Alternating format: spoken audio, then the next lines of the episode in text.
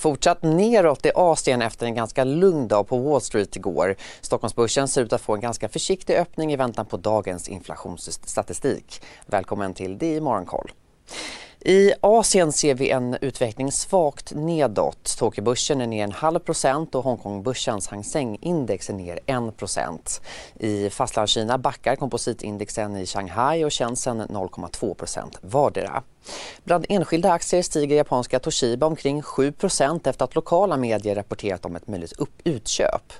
Efter en svängig gårdag så stängde Wall Street svagt ner. Breda S&P ner 0,3% och tekniktunga Nasdaq 0,1% Bland enskilda bolag så placerade sig bland annat dryckesbolaget Pepsico och vaccintillverkaren Moderna bland vinnarna med uppgångar på 4,2% respektive 8,3 Streamingbolaget Spotify stängde upp på 1,3% men handlade som högst upp 3,3 och den här nedgången kom då, kom då efter att Wall Street Journal rapporterat med hänvisning till sina källor då att TikToks ägare ByteDance har planer på att expandera sin mus musikstreamingtjänst globalt och det här skulle då innebära en ny konkurrent för Spotify.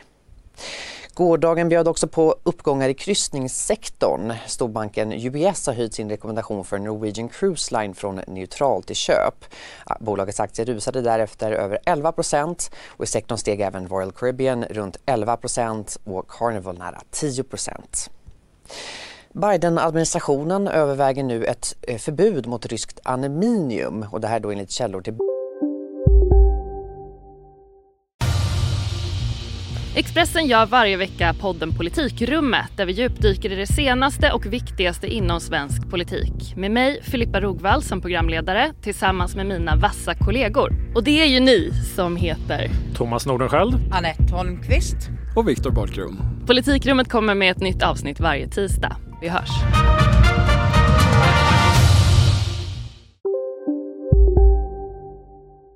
Bloomberg, Bloomberg. Ryssland är världens näst största aluminiumproducent efter Kina då och nyheten fick terminspriset på aluminium att stiga 3 4% Med det sagt så lämnar vi i alla fall USA-börserna för stunden för att inflationen lär få rätt så mycket uppmärksamhet idag då vi får ta emot både svenska och amerikanska inflationssiffror. Den svenska inflationen väntas gå upp ännu något då från augustis 9% och augustiutfallet var den högsta inflationstakten på över 30 år med livsmedelspriser som steg till 14 14 procent samma månad. Siffran eh, kommer klockan åtta idag. Men dagens huvudnummer blir nog den amerikanska inflationssiffran som kommer in 14,30 som också väntas fortsätta ner. Vi såg det historiskt höga utfallet i juni på 9,1 procent. Under sommaren så sjönk inflationen och eh, väntas eh, i årstakt nu landa på 8 procent i september. Så till Stockholmsbörsen och enskilda bolag. För idag så rapporterar investmentbolaget Creades.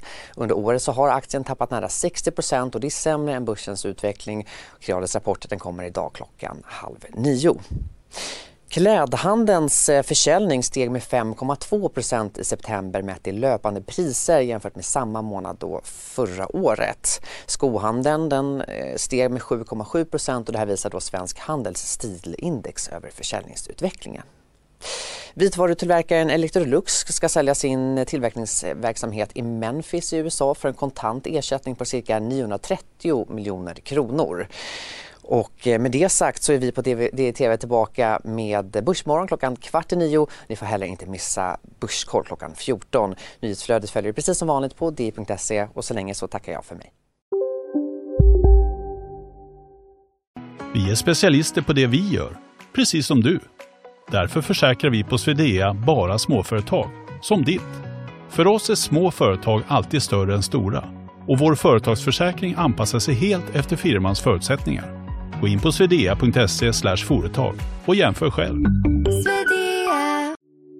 Hej, Ulf Kristersson här. På många sätt är det en mörk tid vi lever i. Men nu tar vi ett stort steg för att göra Sverige till en tryggare och säkrare plats. Sverige är nu medlem i Nato. En för alla, alla för en.